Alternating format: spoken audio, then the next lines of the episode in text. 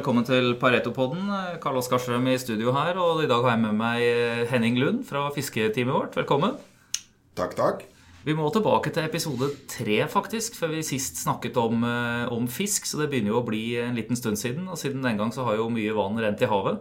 Som man sier. Jeg pleide en gang å regne det ut faktisk hvor mye vann som renner ut i havet, men det blir en liten digresjon her. Det er et, eh, et overraskende lite tall overflateavrenningen fra kontinentene. det er litt nerdestoff, men jeg oppfordrer kanskje noen lyttere til å kunne regne på det. Da, for det er jo gøy å vite i hvert fall sånn per måned og per uke hvor mye vann renner i havet. Så, um, og hvor mye laks svømmer, i, svømmer, mot strømmen der. Ikke sant? En god del laks svømmer mot uh, strømmen, men det er jo stort sett den som da ligger uh, i, i merdene vi forholder oss til uh, her, ikke sant? Det er riktig. Så det var en liten digresjon. Men jeg vil også bare innledningsvis her si at de som, som liker vår eh, podkast, gjerne ta del den videre i sosiale medier. Og oppfordrer for så vidt også til å kunne stille oss eh, spørsmål. Vi eh, er på Twitter. Du finner både meg og Paretosek på Twitter, og du finner Paretosek på Facebook. Og vi mottar gjerne både innspill til temaer på podkast og egentlig spørsmål knytta til de tingene vi driver med. Men, men så inn på dagens uh, tema. Siden jeg sist hadde deg i studio her, sånn, så har jeg vært med på uh, North Atlantic Seafood Forum i, i, Bergen, som vel er en av de største, eller kanskje den største, sjømatkonferansen i verden. Mm. Stemmer det? Ja, det er helt riktig. Det er helt riktig. Vi samler, uh, samler 1000 personer, hovedsakelig management fra de største selskapene. Og da er det top management, og, og, og, så har vi lagt på en eh, finansbit, investorbit, eh, på siden av det. Så det er et veldig, veldig eh, fint arrangement for, for investorer også. Ja, svært event hvor både hele bransjen møttes, og hvor investorer møttes, og hvor investorer møtte selskaper og hverandre. og Egentlig et, et, stort event over flere dager. Jeg var også med på en site visit ute på et Lerøy-anlegg utenfor Bergen. Det var gøy å se hvordan det faktisk funker, og, og kaste litt mat ut til, til fisken og se hvordan, eh, mm. hvordan, dette tas opp, og hvordan det overvåkes. Eh, men eh, så, så det, var, det, var, imponerende stort, vil jeg si. Og det er jo også gøy å høre fra alle selskapene og alle leddene i kjeden. Og hvordan de For det var mye snakk om fremtiden her. ikke sant? Hva de gjør for å forbedre egen drift. Hvilken vei de ser bransjen gå. Utviklingen av hele oppdrettsnæringen. Men det jeg tenkte jeg skulle spørre deg om, er du drar jo også til, til, London, New York. Nå skal det snart være et event eh, av samme art, eh, kanskje noe mindre, men, men i New York for bransjen. Hvordan ser man ute på, på akvakultur nå, som er det man, man kaller det? Mm. Ja, det er, det er, Vi er jo, det er jo altså I New York så vil vi, er vi, og vi vil være i en periode fremover en, en litt sånn sær, sær bransje, på en måte. Eller sektor, hvis du skal kalle det, fordi den er liten. Eh, men den er mye større enn den var, og vi får mye større attention nå enn det vi har fått tidligere. Så det er, en økende interesse. Både med størrelsen og ikke minst med at det er mange som ser at dette er en industri som Altså at akvakultur kommer til å bli en stor industri. Ja, Laksebiten er den ene bit siden av det. Og den, den, den uh, arten som har kommet lengst i industriell utvikling. Men her kommer det mange andre arter etter hvert. Og det er klart at uh, det, gjør med, det, gjør noe med, interessen på, på investorsiden. Ja, for vi har jo også sett uh, altså Det har jo vært oppdrett siden romertiden og før det også, vel, i, i småskala, nærmest som eh, jordbruk eh, ikke sant, rundt, om, eh, rundt omkring i, i verden. Men, men, Norge er jo blant de som har kommet lengst i å industrialisere dette her nå. Og vi har jo sett initiativer nå etter at vi har blitt venner med Kina igjen, at, mm. at de også er interessert i, i, dette nå. Ikke bare for å kjøpe fisken vi lager her, men, men, men, å jobbe med denne industrielle kompetansen for, også, for å gjøre noe med sin egen småskala oppdrettsnæring. Ja. Nei, riktig. Det er, det er, uh, Volummessig så er jo Kina og Sørøst-Asia klart størst på, på, oppdrett, men eh, det er ekstremt fragmentert og lite avansert. Et selskap som, som, ikke vi snakker veldig mye om, men som vi jo også dekker analysemessig, er vel Aqua Group, stemmer ikke det? Eh, de, de, jobber jo med nettopp utstyret og, og oppbyggingen av denne type sider rundt omkring i verden. De hadde en veldig morsom presentasjon på på North Atlantic Seafood Forum, hvor vi så eksempler på litt før og etter, og, og man så hvordan oppdrett eh, var gjort andre steder. Og her er det jo det er nesten en no-brainer å ta best practice ut fra, fra Norge og, og, og, begynne å gjøre det tilsvarende i andre land. Det er kjempepotensial, eh, og i hvert fall for de artene som har en viss verdi. Eh, det er mange av disse oppdrettsartene som har en ganske lav verdi eller lav salgspris. Eh, de er det vanskelig å forsvare PT eh, med såpass tunge investeringer, men det er mange arter der ute som, som vil kreve store investeringer, som Aqua Group er en av de som har kommet aller lengst i å levere. Og som er den største og mest integrerte spilleren. Ja. Så sånn sett så er Aqua er jo si, måten å få eksponering mot sektoren uten egentlig å ta biologisk risiko. Men ta del i, i veksten. av Group har hatt en fantastisk ørningsvekst eh, de siste fem årene, og vi tror at det fortsetter videre fremover også. Ja, Man skulle jo tro at det var en, en veldig interessant nisje å jobbe innenfor. Rett og selge utstyr og jobbe med videreutvikling av utstyr til, til hele industrien. Mm. Og vi ser ja, absolutt, og, er, og, vi ser mer og mer avanserte produkter. Og vi ser også en, en bredere og bredere hva skal vi si, produktspekter. Uh, og uh, serviceelementet vil også komme inn og være en stor del av dette. som det vil være lønnsomt for mange oppdretterne å outsource, eh, fordi man har ikke skala selv i forhold til å forsvare dykker og, og, masse, masse, fast utstyr. Så, så, her er det, det er masse potensial på, på utstyrs- og leverandørsiden. Ja, for vi, vi, ser jo det samme som vi ser i mange andre sektorer vi, vi følger, at uh, over tid så øker jo teknologikomponenten, kan du si, i, i investeringene. Mm. Man, uh, man gjør det på en mer profesjonell basis, men man bruker også mer og mer avansert utstyr. Eh, og det gjelder jo eh, i alle ledd i kjeden, egentlig. Mm, mm. Ja, absolutt. Og det, det, er en trend som, eh, som Vi ser ikke at den stopper nå, for å si det sånn. Det kommer til å bli investert uh, Hvis du bare tar på laksesiden, så kommer det til å komme uh, investering til å øke si, per kilo produksjonsenhet uh, også fremover. Sånn som vi ser det. Mm. Og dette er jo noe som også gjøres egentlig for å holde kostnadene under kontroll og få det ned etter hvert som man kjører til større skala. Ja, og så kan du snu litt på det og si at det er uh, med det begrensede tilbudet man ser på verdensbasis, så er verdien av laksen såpass høy at det forsvarer uh, høye investeringer i forhold til å greie å få ut en ekstra kilo med, med fisk. Mm, mm. Og det, det, ser ikke ut som det skal snu nå i det korte bildet, i hvert fall. Nei, Nei dette, er, dette, er, spennende, og det er som sagt en sektor som får litt økende oppmerksomhet eh, internasjonalt. Jeg husker faktisk et tilfelle fra, fra Skagen-konferansen, som er ved nyttår her i Oslo. Det var ikke den som var nå ved nyttår, men det var før der igjen. Eh, hvor eh, ei som het Pippa, Peppa Malmgren, tror jeg, hun var en av rådgiverne, økonomiske rådgiverne til eh, Bush, har et veldig svenskklingende navn, men en besteforelder fra Sverige. Men hun snakket jo om at sjømat og akvakultur som en av de store megatrendene innenfor proteinproduksjon rett og slett for menneskeheten i, i tiden fremover. Så man har jo medvind her, og, og, det tror jeg kommer til å, å fortsette. Men, men, hvis vi tar det i det litt kortere bildet og zoomer litt inn her før vi skal se på, på fremtiden litt, litt mot slutten, så har vi jo år i år starta med litt grann brottsjø og, og motvind for, for laksesektoren. Hva er det vi har sett, Henning? Ja, det er riktig. Altså Aksjemessig så har vi det. Ja. Uh, inntjeningsmessig så har det aldri vært bedre. Uh, og det er jo hovedårsaken til at vi uh, egentlig Vi har egentlig vært positive også gjennom denne lille nedturen vi hadde nå på begynnelsen av året.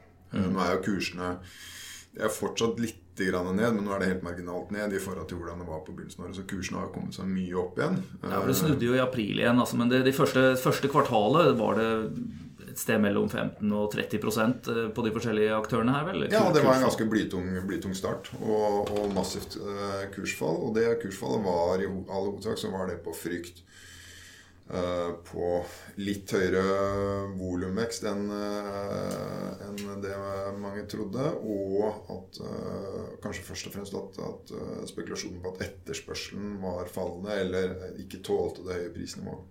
Ja, Såkalt demand destruction. Ja, ja, ja, vi får se litt på disse to tingene. Altså, det, har, det har jo vært bak oss nå. 2016 var det volumfall. Altså rett og slett mindre laks ute i markedet hvis du måler i antall kilo. Ja. Ikke sant? Ja. Eh, og det var jo en av bidragsyterne til at, til tatt prisen som folk var villige til å betale, eller markedet var villig til å betale per kilo, da dro opp. Mm. Eh, og så fikk man jo en en spike akkurat i desember som gjorde at liksom, hvis, hvis, hvis, du glatter ut den, så har jo ikke prisfallet vært så betydelig etter nyttår. Men, men fra toppnivå så, man, så, hadde man jo et betydelig fall en, en stund inn i, inn i, gjennom første kvartal. Det er helt riktig, men dette var jo et prisfall som, som var ventet. Altså Det var jo, så vidt jeg vet, ingen som trodde at den prisen skulle, skulle holde seg fremover. Så hvis du kontrollpunktet i, i sånne sammenhenger syns jeg ofte, veldig ofte er lurt å ta en titt på uh, estimatene. Hva skjer med, med inntjeningsestimatene? Og det har nesten ikke vært noe bevegelse på inntjeningsestimatene gjennom denne perioden. Så det har vært mye frykt og mye store ord, men, men selve forventningene på inntjeningen har endret seg veldig lite. Og mm. det betyr egentlig og det er sånn at Hvis, hvis eh, endringene på inntjeningen ikke kommer, uh, så er det egentlig, uh, etter mitt skjønn, så er det uh, Da skal man benytte den type svakhet til å, til å kjøpe aksjer, ikke til å selge aksjer. Ja, det stemmer. Det er mulig å få tak i noen billige aksjer. vi sånn. hadde, var jo bull på, på, sektoren, men vi hadde noen holdanbefalinger oppe ved toppen der, og nå er det snudd til, til Eller det ble snudd i løpet av måneden jeg har bak oss, til, til kjøp på samtlige, så vidt jeg kan se. Ja da. Vi, vi slapp en rapport i begynnelsen av det var vel helt til slutten av mars eller begynnelsen av april. Og, det, og da har vi siden det så har vi hatt kjøp på, på absolutt alle selskapene, inklusiv av utstyrsleverandøren Aqua på, på, på sjømatsektoren. Mm.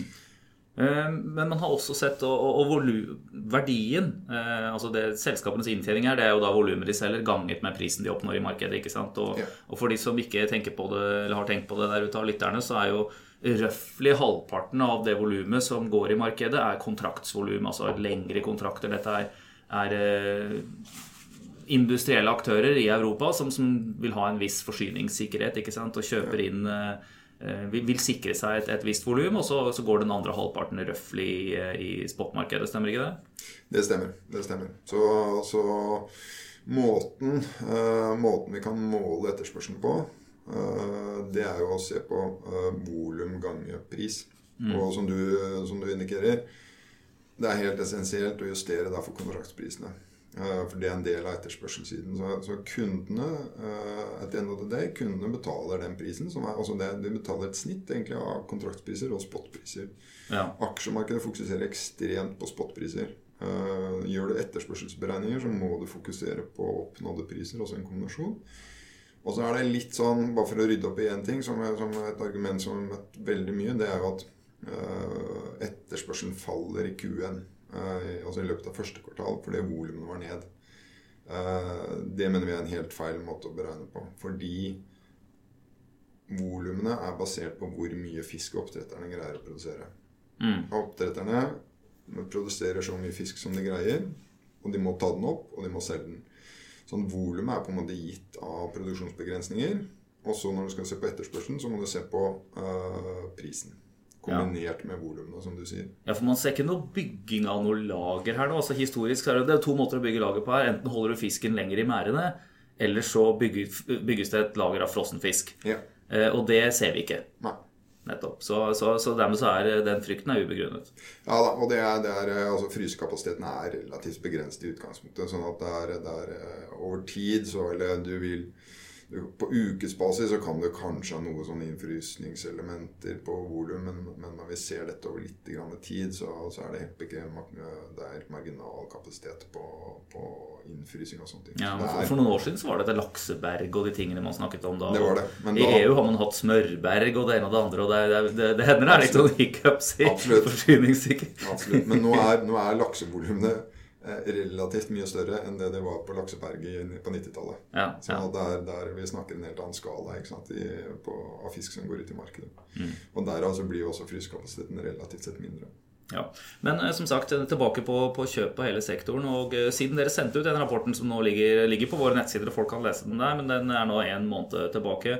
Men det kom ut en mail internt her fra deg hvor eh, du trakk fram at det har vært en ganske så hyggelig valutakursutvikling siden den rapporten også ble sendt ut, stemmer ikke det? Ja da, det er Som også bidrar positivt til i forhold til inntjeningsestimatene, egentlig, for ja, de tallene vi snart kommer til å se, og, og for, for andre kvartal. da.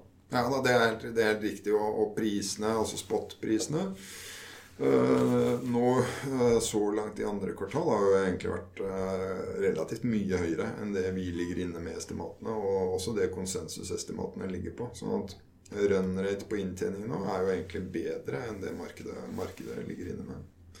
Og det er noe som i utgangspunktet skal, skal være positivt for aksjene. Så det ser, egentlig, det, det ser, egentlig, robust og bra ut i sektoren, hvis en skal gi det et, en sånn eh, Skal man sette et smilefjes på den, så blir det sånn med smil. ikke sant? Ja da, det er, det, dette er kjøps, kjøpsanbefaling med smilefjes.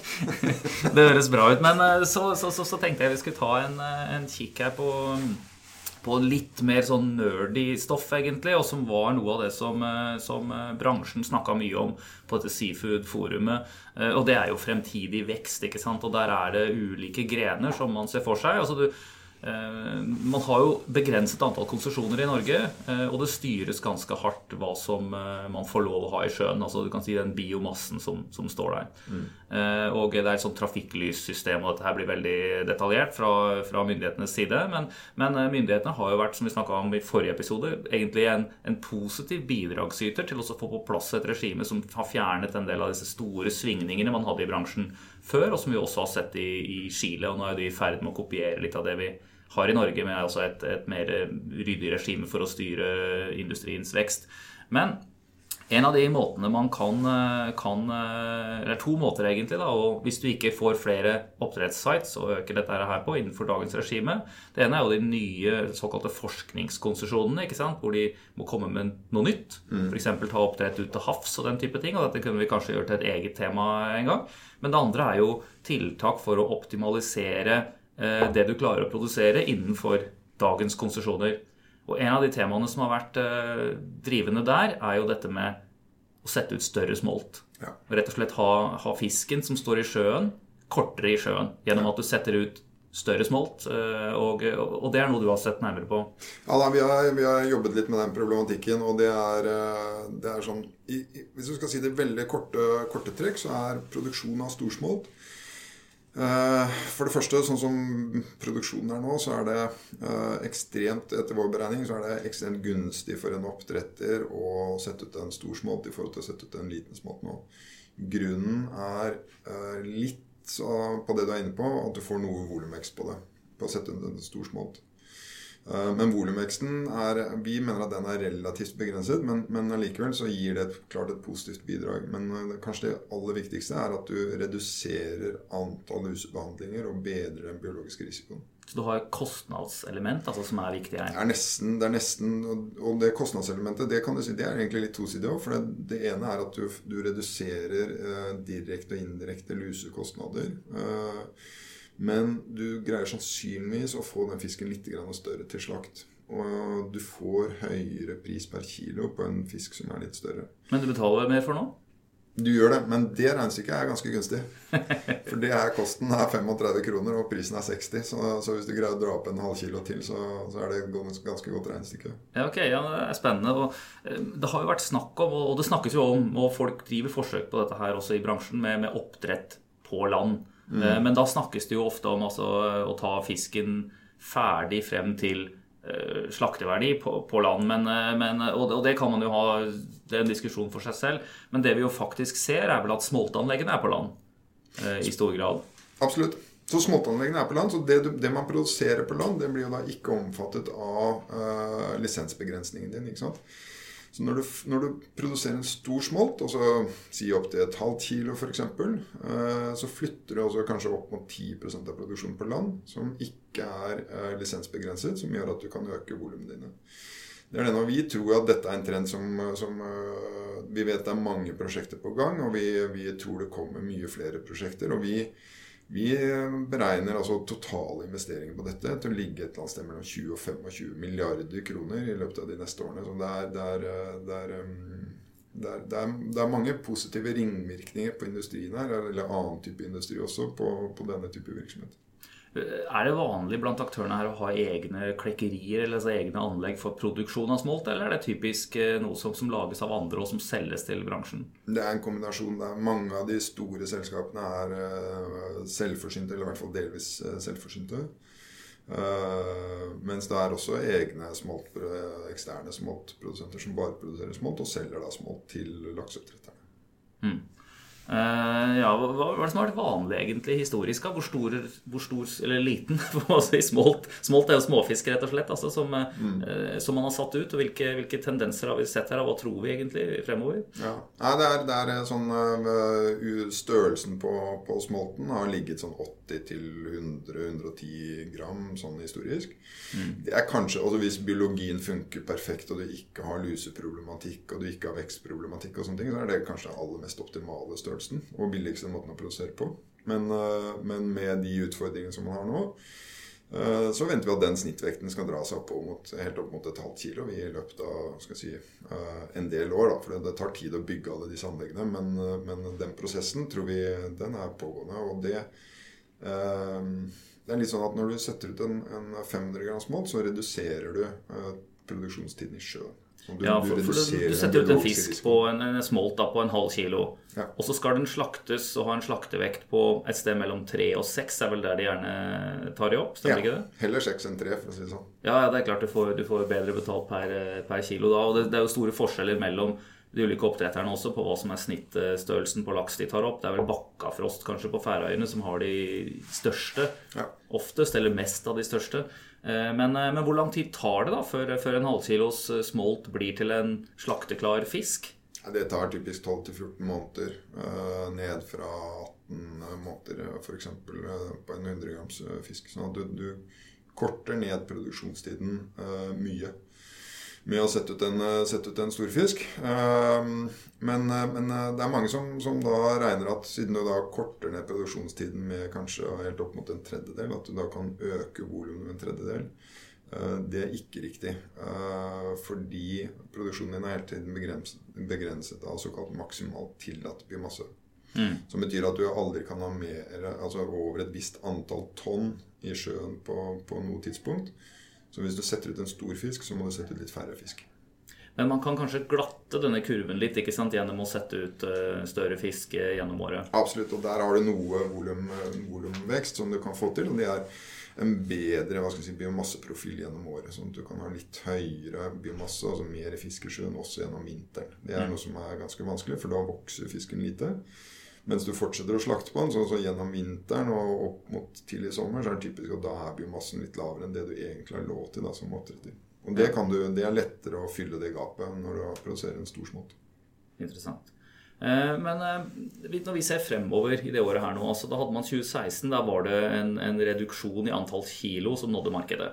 Altså volumet målt i, i, kilo eh, inn mot markedet var, var noe ned. Hvordan, men, mens det ventes jo oppgang litt grann i 2017. Og det var jo noe av det kanskje som, som førte til dette lakse, eh, lakseaksjefallet i, ja. i, første kvartal. Ja. Eh, hvordan ser vi eh, for oss at dette kommer til å utvikle seg for resten av året? Ja, vi tror, vi tror Som vanlig så får vi en uh, sesongsvingning med å få litt høyere volum i, i, andre halvår enn i første halvår. Uh, så vi ligger altså inne med lavere prisforventninger i andre halvår enn i første halvår. Uh, Chile er en veldig spesiell situasjon, for var, det var algeutbrudd der i mars i fjor som gjorde at det uh, forsvant mye volum i andre halvår i, i fjor. Mm, så år over år-vekst i Chile vil forventes å se prosentvis høy ut? ikke sant? Den, er ofte, mm. den, den, kan du godt si. Altså, vi venter tilbudet i altså Chile og Canada kombinert, da, hvis vi ser på inn mot USA-markedet. Så tror vi på 15% år over år-vekst. Eh, men hvis du ser på volumveksten også i Nord-Amerika og Sør-Amerika i andre halvår i forhold til første halvår, så er det egentlig en sekvensiell vekst som er helt normal. Så, så vi er, vi er, alltid bekymra, og vi tror at det blir litt lavere priser i andre halvår. Men vi, ikke, si, vi, vi, greier ikke å trekke de der skrekkscenarioene opp som, som, som, vi har hørt noen prate om. Nei, jeg syns skrekkscenarioene virker usannsynlige usannsynlig også. fordi det er, det, det er en annen faktor som, som, eh, pågår i bransjen her, som også var et stort tema på på Seafood Forum i, i, Bergen. Og det er jo eh, endre, de endrede produktene, eller endringene i produktene som når fram til forbrukeren. Eh, vi har jo sett det i Norge her de siste par årene, at, eh, at fiskeforbruket Og jeg merker det selv som barnefamilie. Jeg gleder meg, jeg skal ha laks i dag. Det er lett å lage, det er sunt. Du får kjøpt disse ferdig pakkede filetene i, i butikken. Mm. Og det gjør at terskelen for å spise fisk er veldig lav. Og det er liksom snarere en av de tingene man nesten kan regne som, som hurtigmat uh, nå. Uh, men, men, fordi at det er sånn her, og har blitt sånn de siste årene, så er det jo ikke sånn i, i en del av de andre markedene, inkludert USA, så er jo dette her nå ting som, som man så vidt der har begynt med. Mm. Eh, og som eh, vil bli rullet ut fortløpende, egentlig. Det er en prosess som, som nå pågår. Og eh, det er, det er, jo lettere, tror jeg, å se at vi kommer til å se de samme resultatene av det, samme mottagelse i markedet, som det vi har sett i Norden og i noen europeiske land, enn å gjette det motsatte. Så jeg tror dette her er en bidragsyter til, til mer stabil etterspørsel og for så vidt høyere betalingsvilje for, for fisken. Tror jeg er helt riktig. Tror jeg er helt riktig. Vi, eh, vi, eh, vi, har sett dette uh, i Norden, vi har sett det i England, vi har sett det mest nylig i Tyskland. Når harddiscounteren i Tyskland begynte å selge ferskfisk for første gang for fire-fem år siden. den prosessen begynner nå i USA. USA er veldig lite sofistikert på produkter i, i retail. det er bare 5% av volumene som er type produkter sånn som vi kjenner i vår retail. Uh, også I tillegg så har vi Sørøst-Asia og Kina, som vi uh, tror kommer til å utvikle seg veldig positivt. Høy kjøpekraft på stor befolkning. Og muligheter nå med bankebordet og at, at, at, at si, relasjonene mellom Kina og Norge holder seg, så, så, skal det være mulig å utvikle det, det også. Mm. Altså, det ser egentlig ganske bra ut, dette her for, for tida framover. Ja, vi syns absolutt det. Altså, det, er, det er eh, store eh, tingene som, som vi, vi, ser på. Altså, grad, det, det, vi er bekymret for, så er det uh, Selvsagt så er det etterspørselssiden. Den syns vi ser sterk ut. Uh, og fortsatt. På, også på disse prisnivåene som vi snakker om. Uh, og så er det tilbudsvekst, som er det som historisk har knukket sektoren. Altså at man rett og slett at oppdretterne har vokst for mye på for kort tid.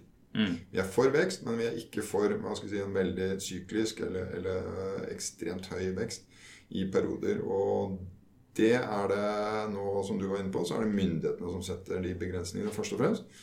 Og det gjør at vi, kan, at vi har høyere visibilitet på det nå enn det vi har hatt tidligere. Og det, det gjør, skal også gjøre noe med prisingen av selskapene. Mm. Fordi du tar ned, du tar ned syklikalitet, du øker visibilitet. Og det, det, det, gjør at som investor så kan du føle deg litt tryggere på at den cashflowen her er, er mer stabil enn den har vært før.